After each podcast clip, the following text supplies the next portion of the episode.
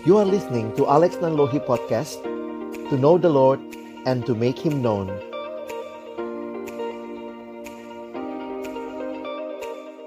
Kita berdoa. Bapa di dalam surga kami datang dalam ucapan syukur di hari perhentian yang kau berikan kepada kami. Kami boleh datang bersekutu memuji memuliakan namamu dan tiba waktunya kami kembali akan membuka firman-Mu ya Tuhan. Kami mohon ketika kami akan membuka firman-Mu, bukalah juga hati kami.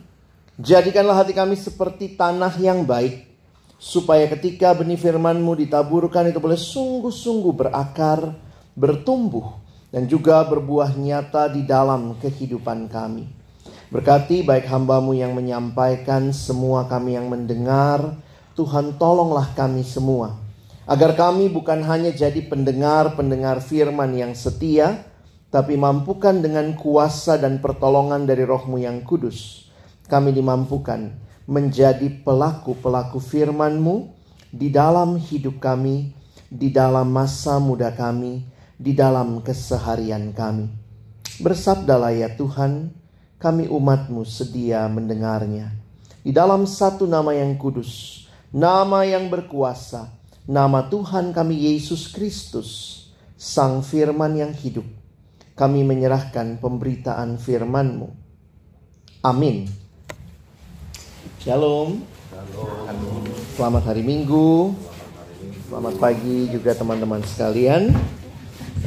Iya, hari ini kita masuk dalam sesi yang terakhir yang uh, Tuhan berikan bagi kita. Saya pindah aja kali. ya. Oke, relationship do over ya. Jadi hari ini kita mau uh, Koko ajak kita untuk lihat sama-sama dan uh, ayat Alkitabnya dari Yohanes 17 ayat 1 sampai ayat yang ke-26.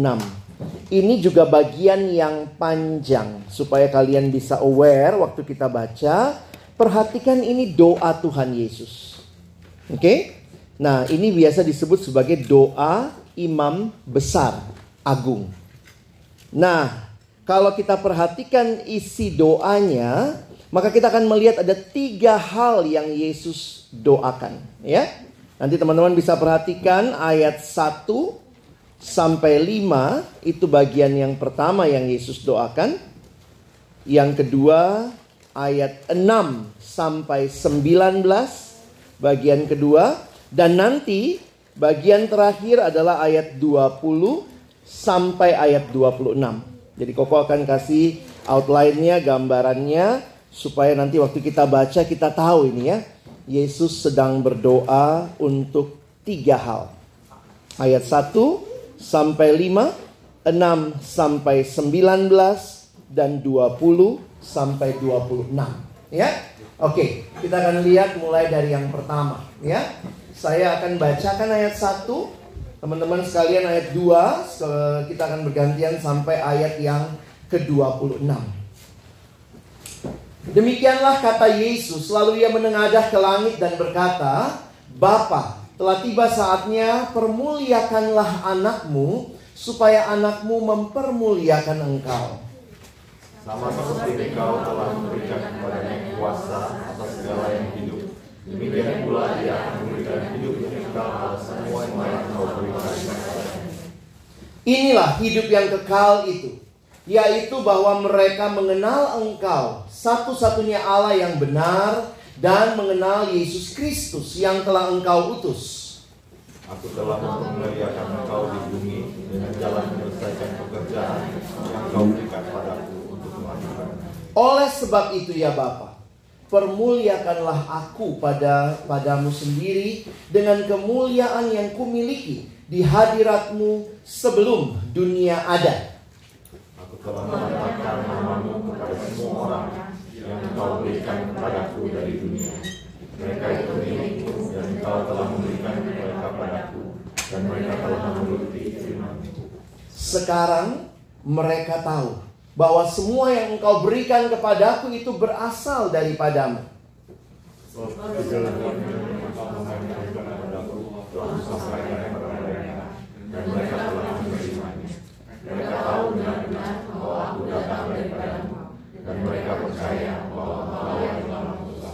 Aku berdoa untuk mereka. Jadi lihat ya. Ini aku berdoa untuk mereka. Siapakah mereka itu yang dijelasin tadi. Bukan untuk dunia aku berdoa, tetapi untuk mereka yang telah engkau berikan kepadaku, sebab mereka adalah milikmu.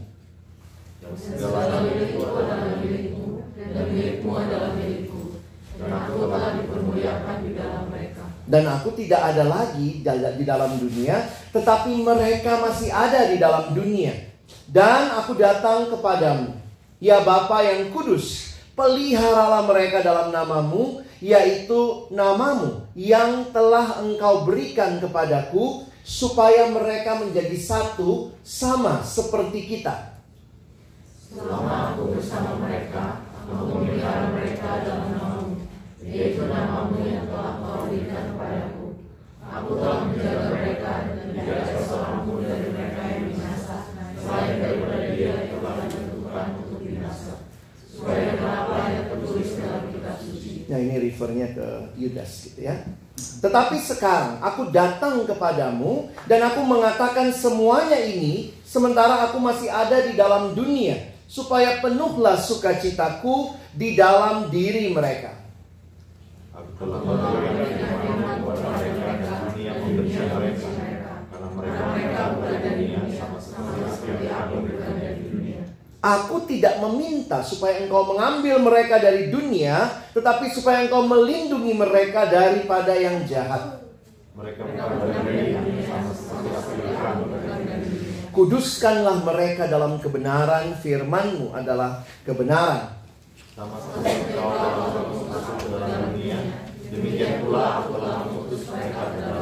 Dan aku menguduskan diriku bagi mereka, supaya mereka pun dikuduskan dalam kebenaran. Dan bukan mereka saja berdoa, tapi juga orang-orang yang percaya padaku oleh pemberitaan. Jadi kalau lihat poin yang kedua tadi, Yesus berdoa untuk muridnya. Jadi kalau bicara muridnya ya kita ingat ini private discourse, berarti dia berdoa untuk para rasul. Nah, sekarang yang ketiga bukan untuk mereka ini saja, bukan hanya untuk para rasul yang tadi ya dido- didoain ya. Aku berdoa tetapi juga untuk orang-orang yang percaya kepadaku oleh pemberitaan mereka. Siapa itu? Ya, kita semua.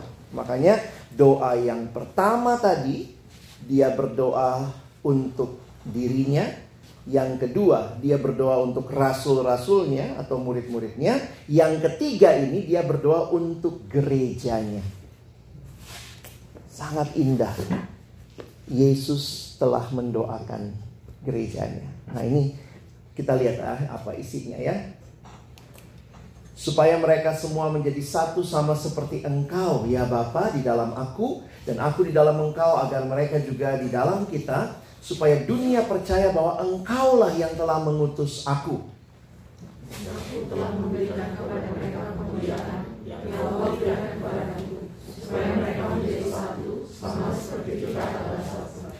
Aku di dalam mereka dan engkau di dalam aku supaya mereka sempurna menjadi satu agar dunia tahu bahwa engkau yang telah mengutus aku dan bahwa engkau mengasihi mereka sama seperti engkau mengasihi aku. Ya aku mau saya di mana pun aku berada, mereka juga berada bersama-sama denganku. Mereka yang telah kau berikan kepadaku, agar mereka mengenalkan kemuliaanku yang telah kau berikan kepadaku. Sebab engkau telah mengasihi aku sebelum dunia dijadikan. Ya Bapa yang adil, memang dunia tidak mengenal Engkau, tetapi aku mengenal Engkau dan mereka ini tahu bahwa Engkaulah yang telah mengutus aku.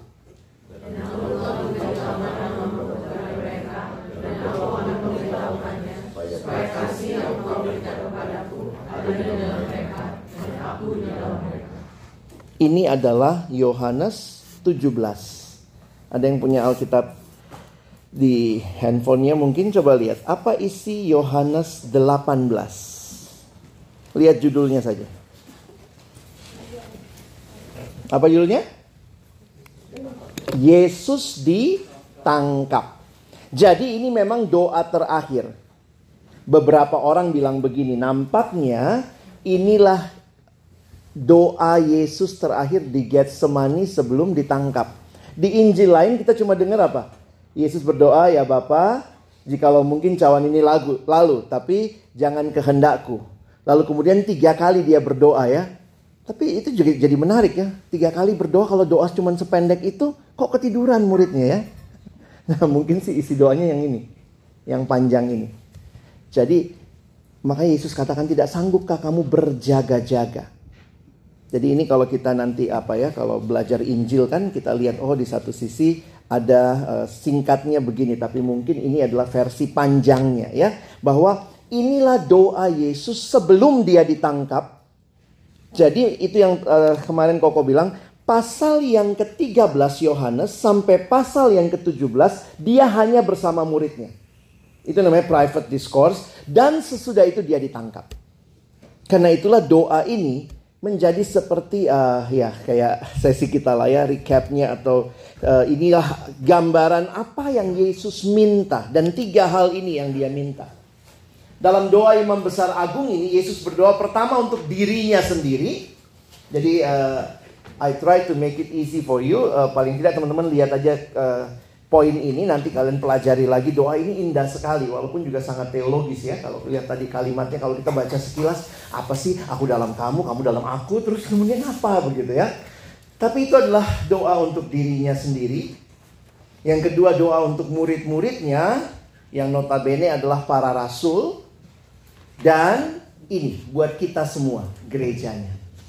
Nah kita akan coba lihat satu-satu. Saya hanya akan highlight ya karena waktu kita terbatas juga ini ibadah minggu, sesudah ini kita ada sedikit waktu untuk tanya jawab. Nah, kita lihat yang pertama dulu. Dalam doa imam besar ini, Yesus berdoa untuk dirinya sendiri. Perhatikan, di dalam ayat yang pertama, demikianlah kata Yesus lalu ia menegadah ke langit dan berkata, Bapa telah tiba saatnya. Kira-kira saat untuk apa? Kalau lihat konteksnya, perhatikan ya. Permuliakanlah anakmu supaya anakmu mempermuliakan engkau. Ini agak membingungkan karena kok kata yang diulang-ulang permuliakanlah, muliakanlah. Lihat lanjutannya.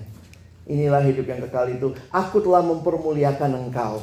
Maka dalam konteks kita mengerti ini termasuk ayat 5 lagi. Sebab itu ya Bapak permuliakanlah aku dengan kemuliaan yang kumiliki ini apa kok bolak-balik bicara kemuliaan.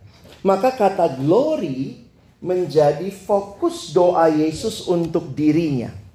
Karena saatnya sudah dekat, permuliakanlah aku, maka para penafsir sepakat melihat bahwa ini Yesus sedang bicara tentang dia akan disalib. Buat dunia, salib itu sebuah kebodohan, sebuah kehinaan, tetapi bagi Yesus ini adalah puncak dari karya yang dia akan genapkan di kayu salib. Menarik ya, Tuhan Yesus itu datang ke dalam dunia memang puncak karyanya di kayu salib. Di mana Yesus bilang udah selesai? Di kayu salib. Dia nggak bilang udah selesai di palungan ya. Coba bayangkan kalau para uh, gembala datang terus ada anak baik ngomong, udah selesai. Oh lari itu gembala ya. Yesus tidak datang hanya buat lahir. Dia tidak datang, Yesus nggak bilang udah selesai habis dia jalan di atas air terus dia bilang sudah selesai. Emangnya akrobat? Dia nggak datang untuk akrobat. Dia katakan sudah selesai di kayu salib karena di situlah puncak karyanya dosamu, dosaku diselesaikan. Jadi kemuliaan salib yang menanti di depan itu menjadi kemuliaan. Makanya menarik kalau perhatiin doanya ya. Ini ya. Permuliakanlah. Bapa sa telah tiba saatnya. Habis itu apa tadi? Yesus ditangkap. Jadi permuliakanlah. Inilah istilah yang menarik. Beberapa gereja itu kalau orang meninggal kayak gereja saya telah dimuliakan. Itu istilah yang dipakai. Karena melihat sesuatu yang lebih daripada sekedar akhir dari sebuah kehidupan. Nah, jadi ah, ini sedikit saya bagikan uh, tentang glory ya. Di awal doanya ini Tuhan Yesus memohon kemuliaan bagi dirinya. Kemuliaan ini tidak dapat kita samakan dengan keinginan manusia kita yang cenderung berdosa, egois, hanya mencari kehormatan, kemuliaan, penghargaan untuk diri sendiri. Bukan. Karena kalau kalian perhatikan kemuliaan itu yang Yesus minta dari Bapa itu adalah haknya sebagai anak Allah dalam hubungan dengan tujuannya yaitu memenuhi rencana Bapa untuk memberikan hidup yang kekal. Ini kemuliaan yang agung. Kadang-kadang kita minta sesuatu, banyak orang sok rendah hati supaya dia ditinggikan. Itu namanya rendah hati papan loncat. Makin dia merendah, makin tuing gitu ya. Yesus tidak bicara kemuliaan supaya dia kemudian disanjung-sanjung, tapi itu memang haknya. Nah, kalau kalian mau pelajari lihat dari mana kok dapat itu haknya ya. Ini kalau Bible study lihat ayat ini. Permuliakanlah aku padamu sendiri dengan kemuliaan yang kumiliki di hadiratmu sebelum dunia ada. Bisa paham ya? Cara kalau kita ngerti kenapa sih itu dibilang haknya Yesus? Karena memang dari awal itu kemuliaan yang kumiliki sebelum dunia ada. Karena dia juga Yesus adalah Allah sendiri. Oke? Nah, berkaitan dengan salib saya kutip satu kalimat yang menarik. Bagaimana salib memuliakan Bapa? Melalui karya salib, anak memuliakan Bapa dengan menyatakan kedaulatan Allah atas si jahat belas kasih Allah bagi manusia, dan pembebasan orang percaya. Makanya buat kita sebenarnya bagi orang percaya salib itu kemuliaan. Untuk keselamatanmu, untuk keselamatanku. Maka Kristus telah disalibkan. Ada yang perhatikan tadi nggak? Hidup kekal itu apa sih? Coba koko balik sebentar ya. Kenapa hidup kekal ada di tengah-tengah antara pembicaraan kemuliaan? Lihat ya. Ayat 3. Inilah hidup yang kekal itu. Yaitu bahwa mereka mengenal engkau. Koko sudah bahas kemarin dua hari lalu. Relationship itu penting. Mengenal engkau satu-satunya Allah yang benar dan mengenal Yesus Kristus yang telah engkau utus. Ayat yang ketiga menolong kita memahami bahwa untuk mengalami hidup yang kekal ini Yesus harus dimuliakan. Itu yang terjadi ya. Kayak sandwich kan? Permuliakanlah aku. Supaya aku bisa memberikan hidup yang kekal kepada semua yang kau berikan kepada uh, ya semua yang telah engkau berikan kepadanya. Siapa yang terima hidup kekal? Nah, inilah hidup yang kekal itu. Hidup kekal itu bukan mulai nanti. Ini kalimat Alkitab yang menarik. Hidup kekal itu bukan selesai mati baru gua hidup kekal. Sejak saudara dan saya percaya pada Yesus, maka kita sudah mengalami hidup kekal itu. Yang kita dapat sekarang itu foretaste. Kalau itu kita nikmati, foretaste dari sebuah kehidupan kekal. Makanya ada lagu kayak Blessed Assurance, Jesus is mine. Oh what a foretaste of glory divine. Saya senang lagu-lagu yang lama karena juga banyak di dalamnya lagu-lagu zaman itu jangan pikir semua orang bule dulu sudah ngerti baca tulis ya. Jadi banyak mereka belajar doktrin bukan di kelas doktrin, bukan baca buku. Buku itu sangat terbatas untuk orang-orang pintar, maka mereka belajar doktrin dari lagu. Makanya jujur ya, ini kalau kita lihat-lihat lagu-lagu lama ya, jujurly speaking itu kayak aduh kok kayaknya terlalu apa ya kok ribet ya ada kata-katanya ribet ya gitu ya. Come thou found of every blessing tune my heart to sing thy praise. Jadi poin-poin koko sebenarnya gini ya jangan heran lagu lama itu mereka ngajarin doktrin. Kamu nyanyi bait 1 2 3 itu mulai dari Yesus datang sampai Yesus datang kembali. Ya kadang-kadang begitu ya. Nah, makanya buat saya gini, kita combine, harus jangan buang lagu lama, tapi juga jangan tolak lagu baru. Supaya imanmu akan menjadi iman yang lagu baru itu banyak pengulangan dengan kekuatan reflection. Lagu lama tidak bisa kita nyanyikan tutup mata ya, karena kita nggak hafal teksnya kan. Kalau lagu baru kita bisa, oh, yaudah, gitu ya. Kenapa? Karena banyak. Oh, I love you Lord. Oh, I need you Lord. Oh, I want you more. Ya, itu bisa tuh.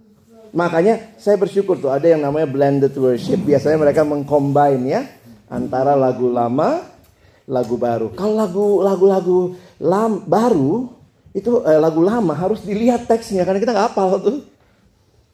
Coba kalau tadi dimatiin calm down for no blessing, pasti yang bunyi cuman MC pemusik gitu ya kan udah. nah itu jadi kadang saya ngerti gitu ya. Uh, sementara orang-orang tua kadang-kadang ngafal karena dia udah hafal lagu.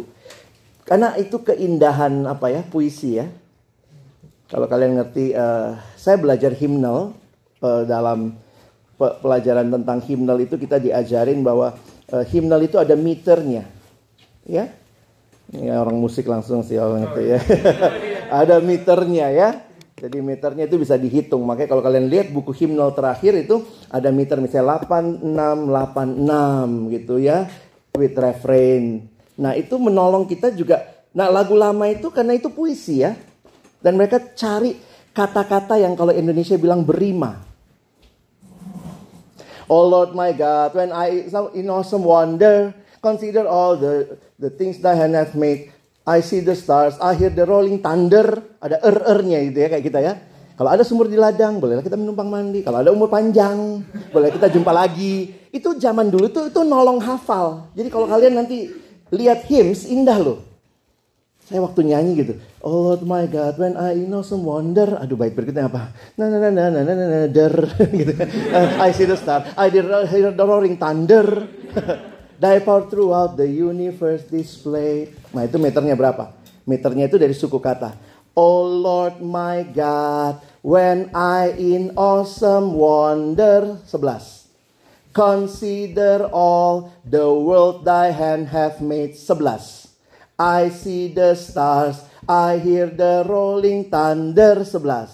Thy power throughout the universe display. Kok 10 ya? Jadi, tapi berarti benar ya 10 ya. Nah, ya, tanya orang musik. Jadi itu lagu itu berarti dengar dulu ya. Lagu itu meternya berapa? 11 11 11 10. Uh, 11 11 10 tadi kelewatan satu gua ya. 11 10 11 10. Kalau ada puisi yang sama 11 10 11 10 bisa dinyanyikan dengan tune itu. Makanya uh, kalau saya dulu kan ke gereja bule waktu di Inggris gitu ya dan mereka masih high Anglican jadi nyanyinya hymnal gitu terus dia kaget gitu lihat saya di samping gitu how can you know our songs huh?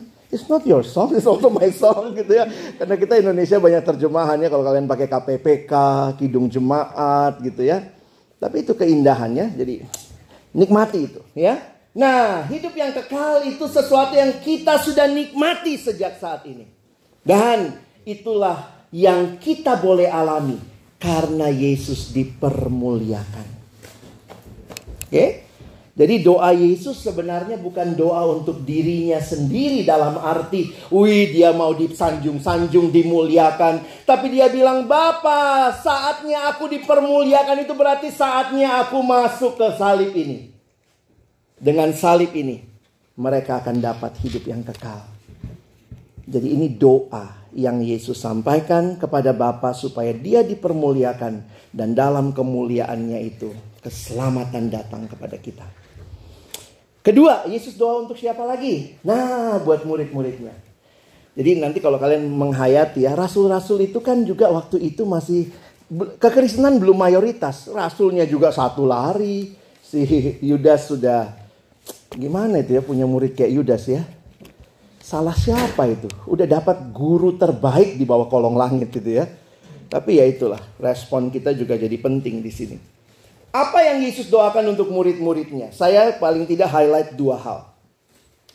Dan ini bisa extend ya, bukan cuma buat murid yang dulu, tapi juga buat kita sekarang. Karena saya pikir juga kita, ya kita murid-muridnya juga kan. Walaupun ada yang khusus nanti Yesus doain buat kita ya. Buat murid-muridnya Yesus berdoa dua hal. Pertama, kekudusan gereja. Makanya Tuhan Yesus berdoa, kuduskanlah mereka dalam kebenaran, firmanmu adalah kebenaran. Kudus di Alkitab itu bukan hanya bicara tidak berdosa. Dalam istilah aslinya, kudus bahasa Ibraninya kados. Kados itu adalah dipisahkan jadi when set apart itulah dikuduskan, dikhususkan. Misalnya gini ya, Di sini ada berapa mic nih? Satu, dua, tiga, nggak tahu lah ya. Pokoknya anggaplah banyak mic. Lalu Koko mengkhususkan satu mic ini. Nah, this one mic set apart. Nah menariknya Israel itu bangsa yang kudus. Dari begitu banyak bangsa di dunia ini Tuhan set apart umat bagi dia yang namanya Israel. Dan set apart itu ada tujuannya. Supaya apa? Nah, lihat ya. Ternyata ketika mereka dikuduskan, saudara perhatikan. Untuk memenangkan dunia yang terhilang. Jadi bukan set apart, makanya Israel dianggap gagal. Waktu dia di set apart, dia jadi bangsa yang memegahkan diri. Gua dong gak kayak bangsa lain. Orang Israel itu doanya katanya begitu ya. Ya Tuhan aku bersyukur aku tidak seperti bangsa lain. Tahu nggak orang Israel bilang apa tentang bangsa lain? Tuhan menciptakan bangsa-bangsa lain untuk menjadi kayu bakar di neraka. Ih, kurang ajar banget ya. Tadi malam waktu lihat bonfire gitu ya. Uh, bangsa lain. Jadi kalau kita lupa diri, kita rasa I am everything. Akulah segala-galanya. They set apart. Mereka dikuduskan. Tapi kemudian mereka diutus. Maka Yesus bilang, sama seperti engkau telah mengutus aku ke dalam dunia. Demikian pula aku telah mengutus mereka ke dalam dunia. Apa tujuannya? They set apart. Ingat ya, ini nyambung ayatnya ya. Ini ayat 17, ini ayat 18. Mereka diutus supaya mereka memberitakan kebenarannya. Oke? Okay? Itu inti-intinya aja ya koko kasih ya. Nanti lihat lebih dalam ini kalimatnya indah-indah sekali. Aku menguduskan diriku bagi mereka. Supaya mereka pun dikuduskan dalam kebenaran. Ini banyak sandwichnya. Ini dikuduskan. Ini dikuduskan. Dikuduskan. Kuduskanlah mereka dalam kebenaran. Di bawahnya. Aku menguduskan diriku bagi mereka. Supaya mereka pun dikuduskan dalam kebenaran. Ternyata tujuannya ada di 18. Sandwich. Atas, atas, tengahnya ada. Oke? Okay? Terakhir. Wih, khotbahnya cepat hari ini gerejanya. Kira-kira Yesus doain apa buat gerejanya? Apa masalah kita yang Yesus sudah prediksi? Dalam doa Imam Besar Agung untuk gerejanya, this is another. Cuma itu intinya. That they may be one. Tuhan udah tahu kali ya kita berantem ya. Gampang banget berantem. Saya tinggal di Jakarta di Kelapa Gading. Di Kelapa Gading itu yang terdaftar kira-kira di atas kertas gitu ya. Katanya ada sekitar 200 gereja. di dalam sebuah kompleks seperti Kelapa Gading yang ya sebenarnya ya satu sisi besar tapi juga ya di situ ada kirang lebih katanya 200 gereja. Saya pernah memang ya naik taksi gitu ya lalu kemudian ada satu uh, koko diundang pelayanan agak jauh ya anggaplah di Puri misalnya ya lalu kemudian saya pagi-pagi kan pelayanan uh, naik taksi dari rumah ke Puri. Lalu orangnya ngomong, mau ke mana pak? Ke gereja ya? Karena saya pakai baju pendeta ya. Oh iya pak, oh jauh juga ya pak gerejanya ya. Uh, gereja saya dekat rumah sih sebenarnya. Ini cuma saya diundang gitu. Oh beda ya pak? Nah, pagi-pagi belum khotbah udah khotbah di taksi gue ya. Ya beda pak, beda kalau di sini ini gereja saya dekat kompleks ini. Kalau ini saya diundang ke gereja sana. Oh, terus yang sana boleh masuk sini nggak pak? Ah. Panjang dia tanya gitu ya. Tapi itu boleh masuk sini, sini masuk sana. Terus tiba-tiba dia dia PI-in saya, PA ya, pemahaman Al-Quran ke saya kali gitu ya. Tiba-tiba dia PA-in gue gitu ya. Terus dia bilang gini, kalau saya pak, lagi taksi gini ya misalnya mau berhenti sholat di masjid mana aja bisa pak masuk. Kalau Kristen gitu nggak pak? Bingung juga jawabnya ya. Satu sisi saya harus katakan uh, denominasi di dalam kekristenan adalah anugerah. Tapi di sisi lain juga kita tetap juga bisa melihat ada juga kelemahan-kelemahan manusia membuat gereja jadi pecah satu sama lain. Satu sisi memang ya itu tadi kita tadi udah, udah nyanyi ya. Meskipun kadang-kadang kita lihat ini perpecahan tapi di dalam kacamata iman kita bisa melihat itu cara Tuhan juga membentuk kita dalam diversity. Karena Tuhan juga tidak mau sebenarnya bagi saya makin belajar Tuhan juga nggak mau unity itu not equal uniformity. Unity dalam Alkitab tetap diversity. Kenapa? Lihat alat Tritunggal. Kalau satu bukan ada tiga bapak. Asik kan tiga bapak gitu. Bapak satu nggak work ke bapak yang kedua. Bapak kedua nggak work ke bapak yang ketiga. No, our Trinity itu mencerminkan sebenarnya diversity di dalam gereja. Perhatikan, apa doa Yesus? Ada beberapa kali muncul kata satu. Nah ini mirip sandwich lagi ya. Ini pokok kasih keindahan-keindahan Alkitab ini. Dan ini tujuannya ya. Supaya dunia percaya. Jadi ternyata kesatuan yang Tuhan doakan untuk gerejanya dalam rangka supaya dunia percaya. Nah, di dunia ini memang jadi lihat tadi ya. Kenapa mereka harus kudus? Karena mereka diutus supaya dunia percaya. Kenapa mereka harus bersatu? Karena tujuannya sama, supaya dunia percaya. Beberapa orang ambil ayat ini, eh sorry. Beberapa orang ambil ayat ini sedikit saya kasih tahu perkembangan ayat ini. Karena semua akhirnya bilang gini, Apakah Yesus sedang berbicara tentang kesatuan organisasi? Apakah kesatuan itu harus jadi under one umbrella, satu organisasi, ataukah ini kesatuan yang sifatnya lebih organik? Nah, itu ada dua pandangan. Ada yang punya namanya gerakan oikumene, mereka merasa itu harus menjadi satu organisasi. Kenapa? Mereka bilang, lihat ayatnya dong. Ayatnya apa? supaya dunia percaya.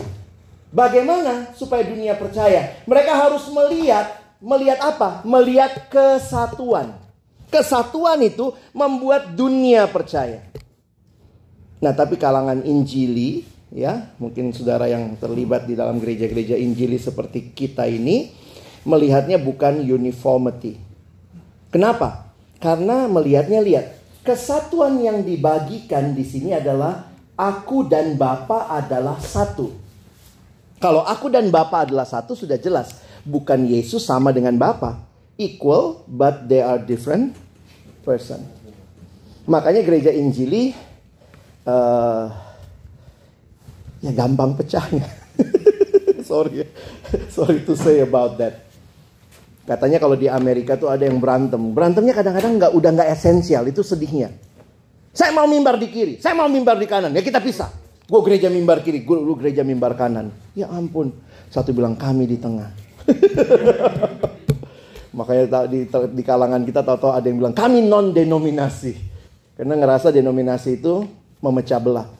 Saya harus katakan banyak kelemahan manusia yang membuat itu terjadi. Tapi di satu sisi, kalau kita pakai kacamata tadi ya, all things work for good ternyata juga itu cara Tuhan mendewasakan, ya. Termasuk juga memurnikan gereja. Jangan lupa Protestan sendiri juga pisah dari Katolik. Tapi kemudian ya Katolik tetap berusaha satu. Nah, Protestan ini ya wuh gitu ya. Berantem dikit pecah ya dan itu kayaknya banyak gereja Indo kayak gitu ya di luar negeri ya. Tahu-tahu nanti mesti ikut sana sih, ikut sana. Tapi saya bersyukur juga ya, saya ketemu beberapa teman yang pecah begitu ya. Kadang-kadang bingung kan, begitu dia pecah terus dia ngundang saya. Padahal saya biasa diundang dulu di gereja lamanya dia. Terus nanti kalau pecahannya denger gitu, ih si Pastor Alex diundang ke sana gitu ya. Jadi kadang saya mikir gitu, saya mesti ikut yang mana ya? Ah saya ikut Tuhan Yesus saja gitu. Kadang nggak mudah bersikap juga di tengah perpecahan. Tapi ya inilah doa Yesus.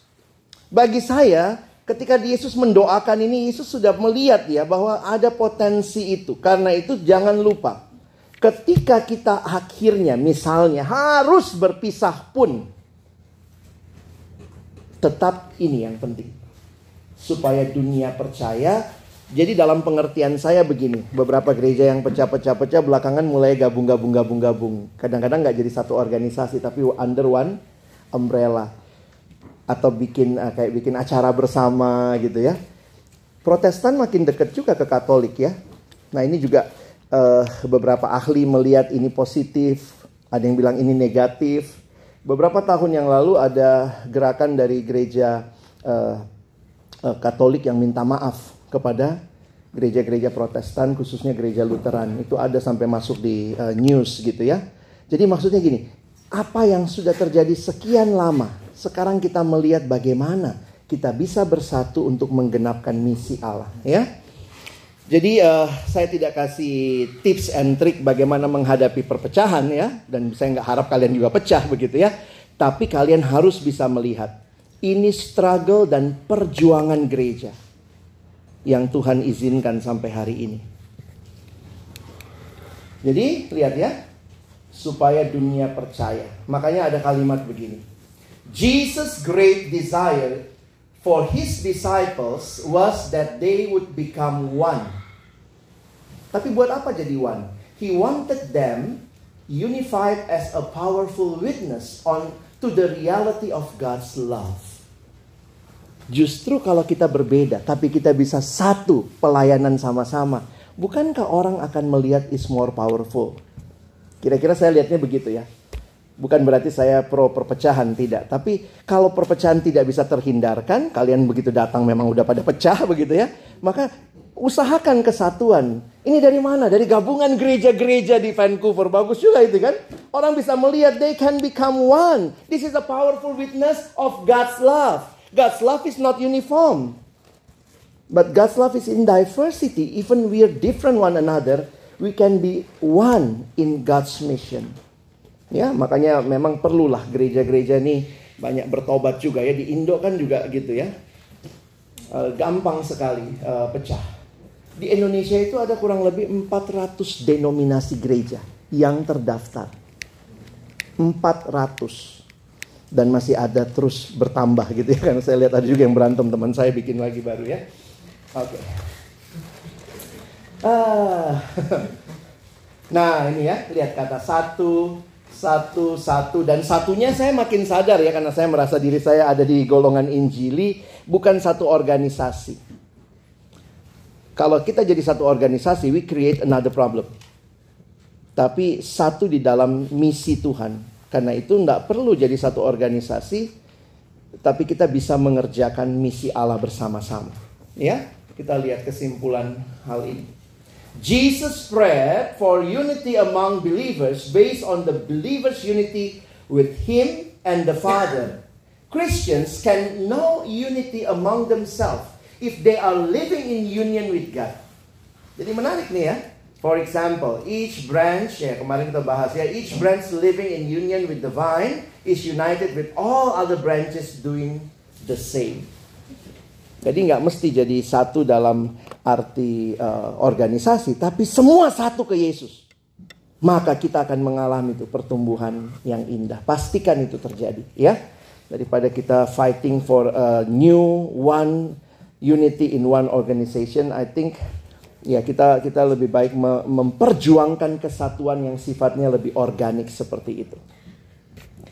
Apa reflection buat kita? Nah, ini pertanyaan penting ya khususnya buat kita yang ada di dalam satu komunitas. Are you helping to unify the body of Christ, the church? Dan ini butuh perjuangan, tidak mudah. Sulit karena manusia sangat egois. Nah, ini dari uh, NIV Application Bible dia kasih saran begini You can pray for other Christians. Nah, itu langkah paling sederhana. Avoid gossip. Nah, itulah gosip ya. Makin digosok, makin sip. Hati-hati orang Indo ya. Wah, ada kecelakaan tuh di sana. Terus yang begitu dua, dua tiga orang itu kecelakaan. Ada empat yang meninggal. Tiba-tiba udah di sana. Wih, udah dua dikuburin gitu ya. Wih, cepet banget gitu. Padahal ya hati-hati gosip ya. Uh, saya belajar komunikasi. Saya anak S1 komunikasi di UI dan saya sadar betul ya. Teman saya suka bercanda. Gile lu belajar ngomong aja 4 tahun gitu ya. Abis itu pun nggak bisa ngomong. Berantem mulu sama orang ya.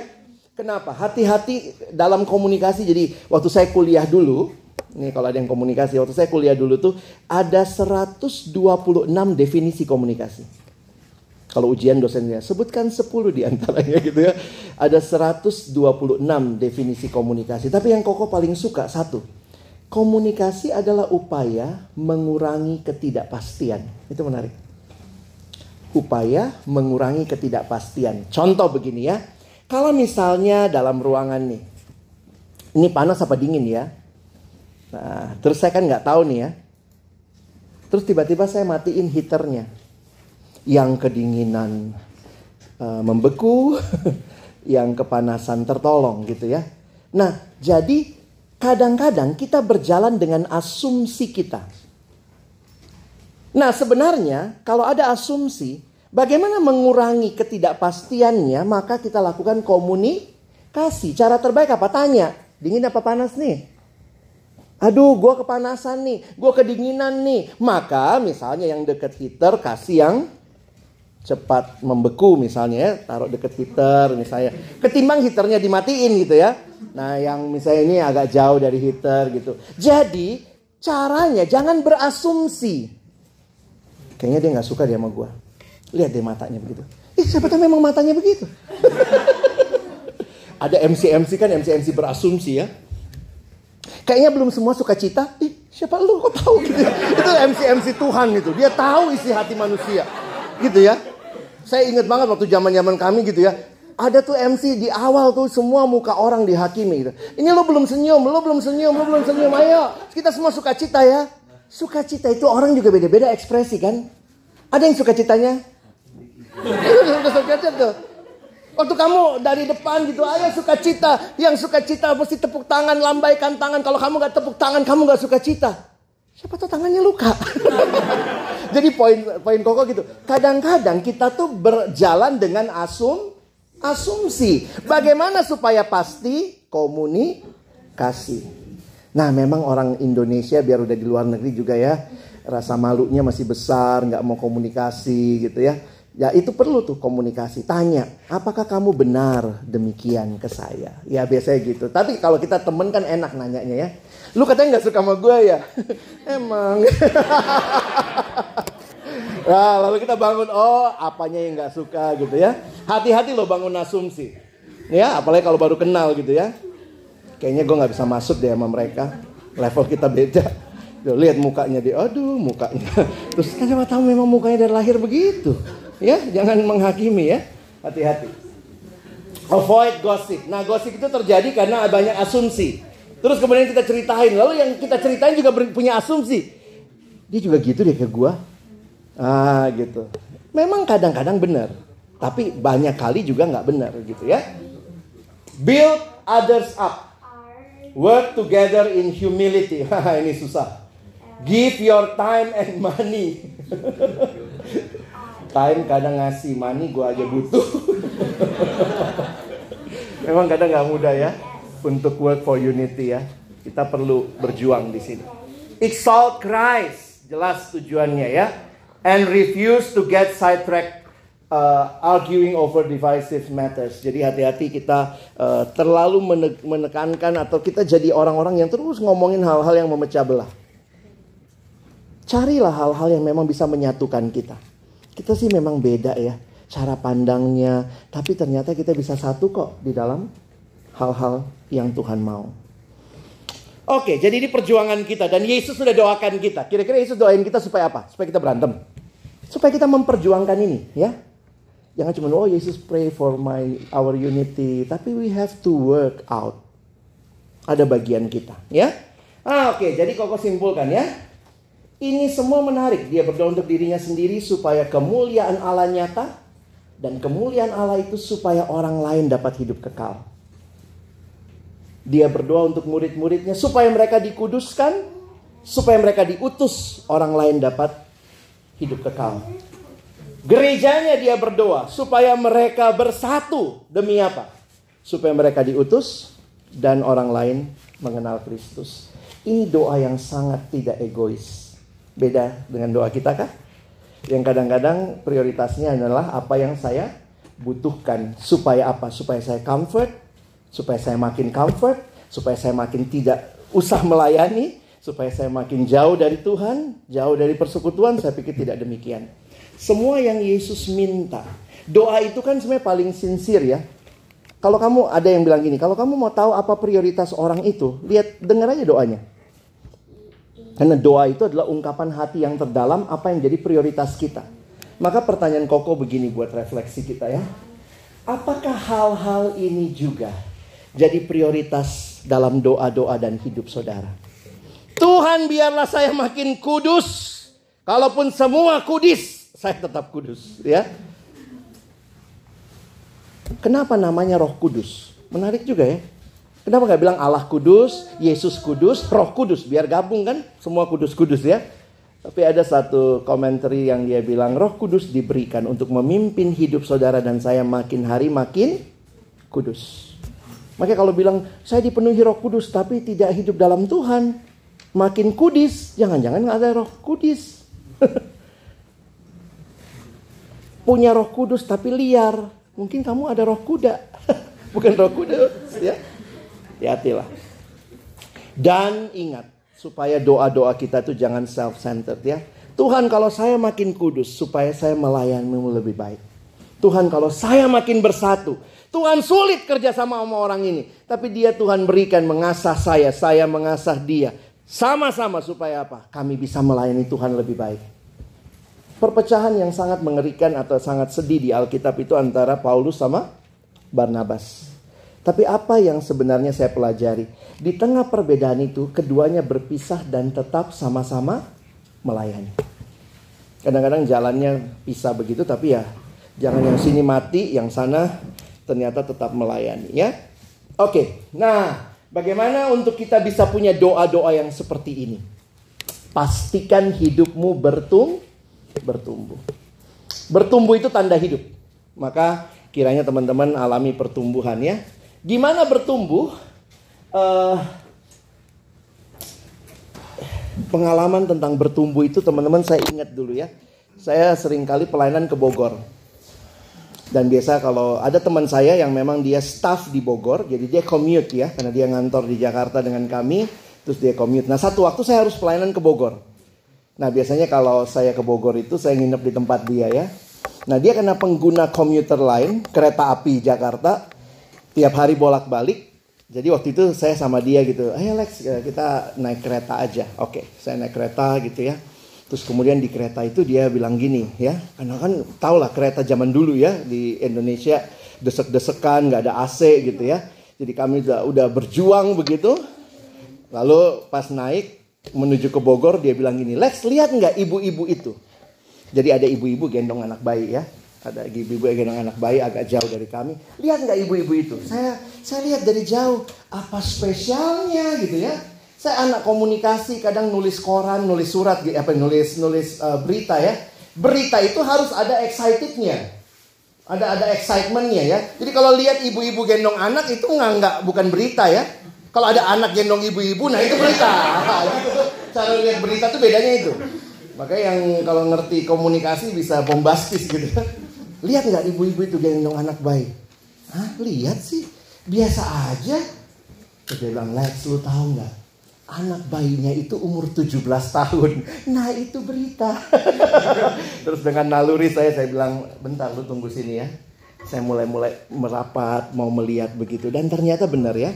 E, ibu itu menggendong anaknya, bayi, tapi umurnya 17 tahun. Ternyata mereka pengemis di stasiun kota uh, Jakarta, tapi tinggal di Bogor. Jadi tiap sore pulang ke Bogor. Teman saya sering ketemu begitu ya. Dan anaknya itu mungkin memang mengalami kelainan sehingga umur 17 badan fisiknya masih bayi. Waktu lihat mukanya maaf, serem, ada kumisnya. oh ya serem ya. Jadi kita waktu lihat uh, gitu, kaget juga gitu ya. Nah mungkin dia menggunakan anaknya untuk meminta ibanya orang. Ternyata pernah masuk TV waktu itu ya, pernah masuk ke RCTI atau apalah di news ya. Nah teman-teman saya waktu itu jadi sadar ya, Tuhan tuh banyak ngasih saya kesadaran lewat hal-hal kayak gitu ya. Kita lihat anak kecil seneng kan, lucu ya. Ih lutuna lutuna ih gitu ya. Saya kalau lihat bebel, uh gitu ya. I want to. Uh. nah, tapi kalau lihat anak kecil terus seneng nggak? ih lutuna lutuna, ih imut imut. Tapi kalau dia kecil terus, ih amit amit. Saudara di situ saya jadi sadar. Tuhan seneng nggak lihat kita ya? Tuhan aku. Nah, ih, lu tenang, lu tenang. Tapi kalau kamu udah 15 tahun ikut Tuhan masih gitu ya. Nggak bertumbuh. Nah itu sedih. Pastikan kita bertumbuh teman-teman ya. Ada yang bilang jangan cuman ya ini saya dengar dari satu teman alumni luar negeri juga ya. Jangan cuma S1, S2, S3, banyak ilmu kamu. Tapi dalam pengetahuan Alkitab tetap TK. Buka kitab Habakuk. Dulu kan masih belum ada HP ya. Habakuk dia cari. Saya pernah duduk sebelah orang nih di kebaktian pemuda. Duduk sebelah dia. Kita akan dengarkan dari Habakuk. Dari awal khotbah sampai khotbah berakhir. Dia tidak ketemu Habakuk di mana. Saya soalnya duduknya lengkap dua. Kalau kita kan biasanya ya kalau ada orang yang baru seperti itu. Pengalaman James. Kalau ada orang yang baru seperti itu, kalian mesti ingat juga ya, ambil buka Alkitabmu kasih sama dia. Ya itu caranya ya supaya kita ambil Alkitab dia kita yang cari. Karena tapi anak itu udah duduknya lengkap dari saya. Saya ngeliat gitu dia masih nyari, cari perjanjian baru dulu. Terus kan ada indeks dia gini. Dan itu pas waktu itu khotbahnya nggak lama lah, paling 20 menit sampai selesai khotbah. Dia masih berjuang di mana abangku. Janganlah kita kita bukan masalah pengetahuan aja ya, tapi perubahan hidup teman-teman. Pastikan pertumbuhan itu bukan saya cuman, aja saya tahu Yesus lahir di Bethlehem, kita nggak lagi family feud ya. kita nggak lagi hidup itu bukan kadang-kadang ada ya gue gue menang dong kok cerdas cermat Alkitab hidup itu bukan cerdas cermat Alkitab kamu tahu Yesus lahir di mana tapi kalau kamu tidak hidup kudus buat apa aku tahu Yesus lahir di mana di Bethlehem di kandang domba saya tahu siapa nama mamanya Yesus, Maria. Siapa nama papanya. Kamu bisa uh, nilai agama, bisa 10. Tapi kan itu bukan itu yang menentukan hidup. 10 nilai agamamu tapi nggak tahu hidup kudus, nggak tahu saat teduh, nggak tahu kebenaran. Itu jadi pertanyaan. Siapa nama istri Lot? Yang tahu? Sudah sumat nih. nggak ada di Alkitab, nggak usah dicari tahu.